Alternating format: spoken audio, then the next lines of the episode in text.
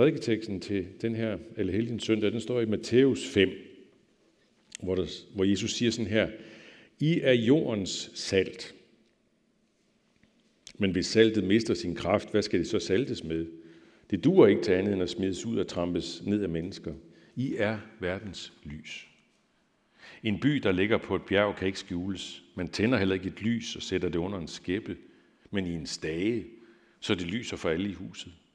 Således skal jeres lys skinne for mennesker, så de ser jeres gode gerninger og priser jeres far, som er i himlen.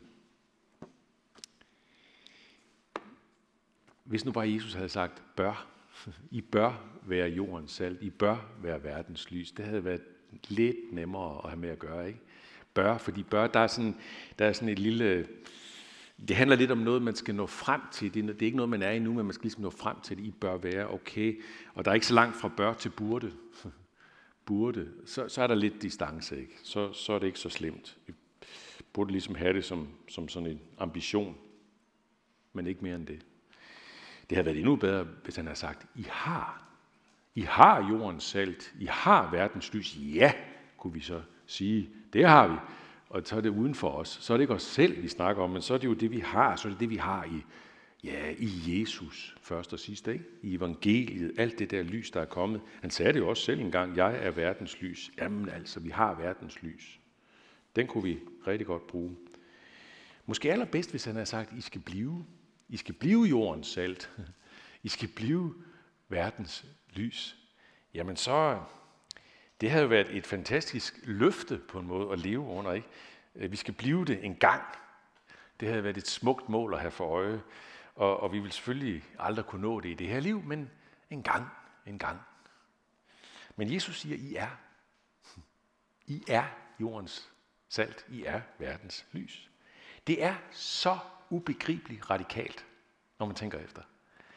Det er på en gang enormt nådefuldt og meget stærkt, hvad skal vi sige, forpligtende, forpligtende på en og samme tid. Øh, det giver ligesom ikke rigtig nogen dispensation. Det, der, er ikke nogen, der er ikke sådan en udsættelsesmulighed i det. Der er ikke nogen, et, et forbehold, der er ikke nogen reduktion i det. Der er ingen distance i det. Og måske vil vi være tilbøjelige til at tænke så, jamen, det kan ikke passe. Det kan vi ikke være. Øh, jordens salt, verdens lys. Mig. Lille mig. Måske, øh, måske nok øh, øh, hende der, øh, eller, eller ham derovre, øh, øh, fordi ja, de der virkelig, altså dem ser jeg meget op til, men, men mig, ja, dig og mig. Og måske lige netop dig og mig, os alle sammen. Ikke bare måske, men lige netop alle os, som tror på Kristus. Altså ikke, og, og, og der vil jeg gerne sige, øh, jeg, nu siger jeg dig og mig, det er lidt dumt af mig faktisk. Jeg skulle hellere sige I og vi, for det er jo det, Jesus siger. Han siger, I er verdens lys. I er jordens salt. Altså vi er det i sammenhæng, vi er det som helhed. Ikke enkeltvis, men som helhed. Det er godt. Jeg var sammen med en, øh, en lille øh, mandegruppe for noget tid siden. Um, og øh, der var en, der havde sådan et, et lille opspil til en samtale, som vi, som vi dyrkede og havde det, over i, derovre i København. Og øh, opspillet, det var et citat fra en bog, som han var i gang med at læse. Øh, og nu skal I prøve at se det. Nu kommer det op på væggen. Det står sådan her. Mange siger, at vi har brug for forbilleder. Ja, helgener. Og vi beundrer de gamle, men ingen af os tror i fuldt alvor, at vi selv kan leve et stille liv i bøn og kærlighed. Ja, leve et helligt liv. Og så stillede han, det, han smed altså det citat på bordet, ikke? Og så siger han så, hvad, hvad, hvad tænker I om det? Nu smider jeg det ud til jer på væggen, og så spørger jeg, hvad tænker I om det? I bør ikke svare på det, men lige tænk, hvad tænker I om det? Tror vi heller ikke sådan i fuldt alvor på, at vi kan leve et helligt liv i bøn og kærlighed, som kan blive forbilledligt for andre? Hvad, hvad tænker I? Tænker I det? Hvis vi ikke gør det, så er vi ved at sige nej til Jesu ord til os om at være jordens salt og verdens lys. Nej, Jesus, øh, Det går ikke. Øh, du må adressere det til nogle andre. Og så er vi faktisk i færd med at blive det der salt, som Jesus beskriver, som har mistet sin kraft, og som man lige så godt bare kan smide ud, eller det her lys, som bliver sat under en, en skæbe, sat ind under en spand eller et eller andet, som, som bare bliver gemt væk. Vi, vi snakkede også om en ting mere i den her mandegruppe der. Vi, vi, øh, vi snakkede om, om, hvad det er, der præger dem, vi virkelig ser op til. Det, det var sådan et spørgsmål, vi tog sådan en lille runde på. Vi sad og tænkte lidt, og, og jeg kan huske, at jeg scannede dybt ned i min, min hjerneharddisk for at se, hvad jeg kunne komme i tanke om. Og der kom faktisk nogle, nogle billeder frem af nogle personer, som, som har været lysende trosforbilleder for mig igennem år. Sådan lidt i perioder nogen, og så sådan ny måske, og lidt forskelligt. Ikke? Og jeg fandt frem til en fælles ting for dem alle. Jo er meget forskellige, men, men en fælles ting. Nemlig det, at de lever ved kilden alle sammen. Ved kilden til troen. De drikker rigtig meget af den kilde. Det kunne jeg konstatere, når jeg begyndte at tænke over det og så dem for mig. De drikker rigtig meget af Jesus kilden. Øh, de, de har været forbilleder for mig på meget forskellige måder, på forskellige områder, meget forskellige mennesker. Men en ting har de haft til fælles, og det er, at de drikker meget af troskilden. Og det er uden tvivl hemmeligheden ved at være jordens salt og verdens lys. Det er en grundhemmelighed. Der er også andre momenter, det kommer jeg tilbage til, men en grundhemmelighed, det er at være i nær kontakt med ham, som er verdens lys. Og det svarer faktisk også til den lidt mærkelige måde, Jesus former den sidste sætning på. Prøv at høre igen, hvad det er, han siger, som jeg læste før. Således skal jeres lys skinne for mennesker, så de ser jeres gode gerninger og priser jeres far, som er i himlen. Der er noget lidt mærkeligt i den sætning der. For det han siger, det er, altså, at vores lys vil skinne for mennesker, så de ser vores gode gerninger, og så priser de Gud i himlen. Man skulle tro, at det, var, at det vendte lidt anderledes, så han sagde, jeres gode, folk vil se jeres gode gerninger, og så vil de se lyset i det, ikke? og så vil de se jeres far, som er i himlen, Gud i himlen, og prise ham. Men det er, der, der er noget, der kommer før de gode gerninger, og det er det der lys der. Og jeg tror, der er noget meget, meget vigtigt her. Et kristent menneske har et lys i sig før alt andet. Før gerningerne kommer i spil. Før noget som helst andet. Og lyset, det er Kristus. Lyset er, er simpelthen tilknytningen til Kristus. Og det vil jeg gerne prøve at trække frem, øh, eller prøve at, at præcisere ved at trække noget frem, som Paulus har skrevet i 2. Korintherbrev. Prøv at se, hvad der, hvad der står der. Vi prædiker ikke os selv, men Jesus Kristus som Herren og os selv som jeres tjenere for Jesus skyld. Ti eller for Gud, der sagde, at mørke skal lys skinne frem. Han har ladt det skinne i vores hjerter til oplysning og til kundskab om Guds herlighed på Jesu Kristi ansigt. Men denne skat har vi i lærkar, for at den overvældende kraft skal være Guds og ikke vores. Hvad, hvad læser I her? Altså det, jeg læser her, det er, at vi har et lys. Vi har fået et fantastisk lys, en skat, men vi har fået det ned i lærkaret, som vi selv er. Vi er bare lærkar, som meget nemt kan stå og ravne lidt og blive lidt sådan ja, hullet og ravnet og sådan noget der. Ikke? Men ned i det lærkar, der er der et fantastisk lys, og det er Kristus selv. Og det er det, der får mennesker til at prise Gud for vores gerninger. Man kan jo stille det her meget simpelt op. Altså, hvad er forskellen på dine gode gerninger, og så de gode gerninger, du kan møde hos et, et rigtig godt medmenneske? Det kan være en medstuderende, det kan være en medarbejder, det kan være hvad som helst. Ikke? En, som du sætter enormt meget pris på, og virkelig synes, du faktisk kan lære noget af. Og sådan er det jo. Altså, en, som ikke tror på Kristus, det er en, som helt klart ikke øh, vedkender sig kristen tro, men et, et dejligt menneske, som faktisk gør nogle forbilledlige ting. Om vi kan lære af det også, ja. Øh, men hvad er forskellen så på hans eller hendes gode gerninger, og så dine og mine? At der er et lys før gerningerne, Jesus lyset. Simpelthen, at mennesker ved, at du tilhører Kristus, så ved de, at det du gør af gode ting, ja, det kommer nok af, at du er kristen. Mennesker vil nærmest per automatik forbinde dine gode gerninger med dit tilhørsforhold til Kristus, med det, at du er kristen. Din nabos gode gerninger, hvis det nu er din nabo, lad os sige det, ikke? Øh, din nabos gode gerninger medfører, at folk beundrer ham eller hende. Ej, hvor er det et skønt menneske, altså. Hvor er han simpelthen bare god altså, af sig. Men i dit tilfælde, der ved du, at du er drevet af en forbundethed med Kristus. Det er måske ikke sådan, de vil sige det, men, men du er jo kristen, ikke også? Det ved de jo i en eller anden grad, fordi det har du sådan mere eller mindre stået ved. De ved, at du går i kirke om søndagen og sådan noget der. Og så er det jo sådan, at, at du og jeg, når vi tilhører Kristus, når vi er kristne, så er vi et åbent brev.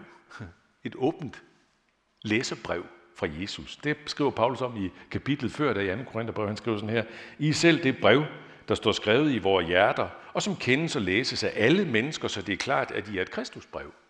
Ja. Så jo tydeligere det er, at du er kristen, desto mere vil alt, hvad du gør, blive aflæst i lyset af det. Og derfor vil mennesker få øje på Gud bag ved dine gerninger, for der er det der lys forud. Og på samme måde, ja, på samme måde, for nu at tage det med den negative synsvinkel, så vil det også være sådan, at vores ugerninger, mine ugerninger, det som, jeg, det som jeg afstår fra, det som jeg ikke får gjort, det som jeg dropper, eller de, de dumme ting, jeg griber til at gøre, eller sige, eller, eller lade være med at gøre, som jeg skulle have gjort, ja, det vil også få mennesker omkring mig til at tænke, nå, han kalder sig godt nok kristen, men øh, han er vist også præsten i bykirken og sådan noget, men det er da, det er ikke, øh, det er ikke lige det, vi har forventet os af et kristen menneske, det må vi da nok sige. Ja, sådan, sådan hænger det også sammen. Nu kan det være, at nogle af jer, det ved jeg ikke jo, men det kan være, at nogle af jer lige nu sidder og tænker, det går nok meget med gerninger. Han står og snakker om lige nu. Gerninger. Ja, selvfølgelig. Selvfølgelig.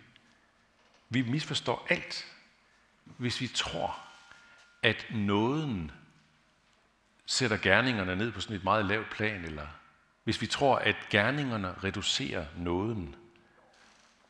Ja, det gør gerningerne ikke. Det gør de kun, når at gerningerne træder ind foran nåden, og så at sige bliver vejen ind til nåden, eller døren, der åbner ind til nåden, gør gode gerninger, så er der også noget i vente. Nej, men når nåden bliver vejen til gerningerne, så vender det lige som det skal. Og som det mest indlysende og naturlige. Og det slog mig igen. Og det slår mig igen og igen faktisk, når jeg læser det nye testament. Det slog mig igen her forleden i tidligere her på ugen, hvor jeg tilfældigvis havde læst lidt i Hebræerbrevet kapitel 10, hvordan der er den her utvetydige sammenhæng i hele Nytestamentet mellem nåden og det nådefulde liv.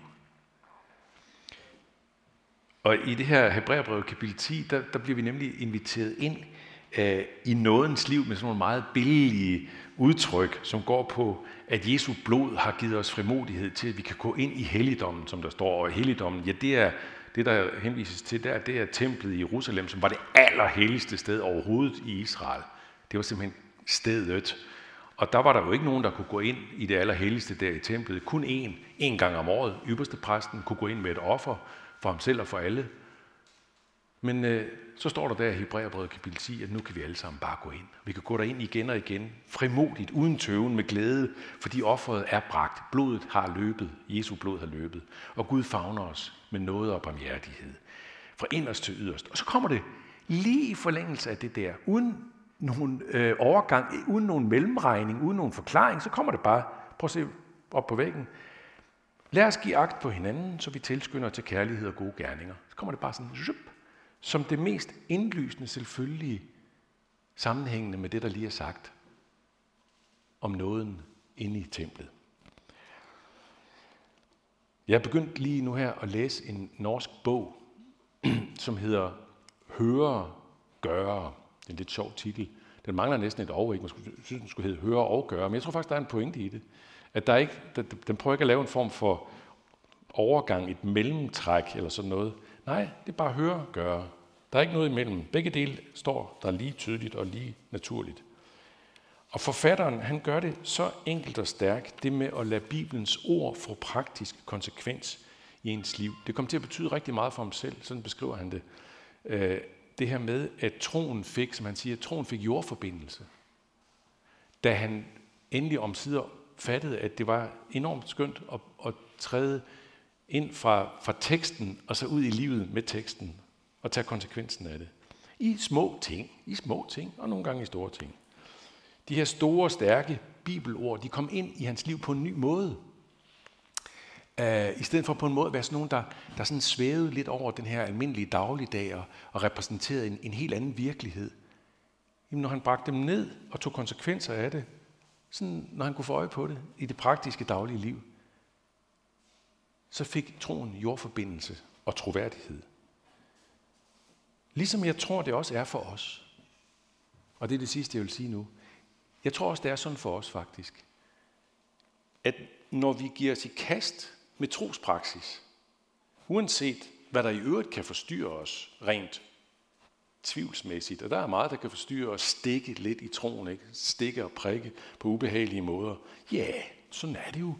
Sådan kan det være for mange af os. Men når vi så på trods af det alligevel træder ind i trospraksisen, og det kan være ikke så mange ting. Ikke? Det kan være, at man er med i det her team, eller går ind i det team, øh, som øh, går ned til det blå sted om torsdagen og laver mad til de hjemløse og spiller noget spil med dem og snakker hyggeligt med dem. Eller det kan være, at man om onsdagen går ind i alfakurset og er med til at lave middagsmad øh, til dem, der er med der, og I er med i en samtalegruppe, hvor man sidder i en, i en ret trosmæssig broet flok og snakker og taler om tingene. Eller det kan være, at man øh, kunne finde på at, at invitere med jævne mellemrum nogle, nogle medstuderende hjem på kaffe og, og hygge der og snakke godt med dem. Eller man tager hen i, i en fodboldklub et eller andet sted og har en, en lige en pose øl med sig og deler dem i pausen med dem, man har spillet med og hygger sig og snakker. Eller man,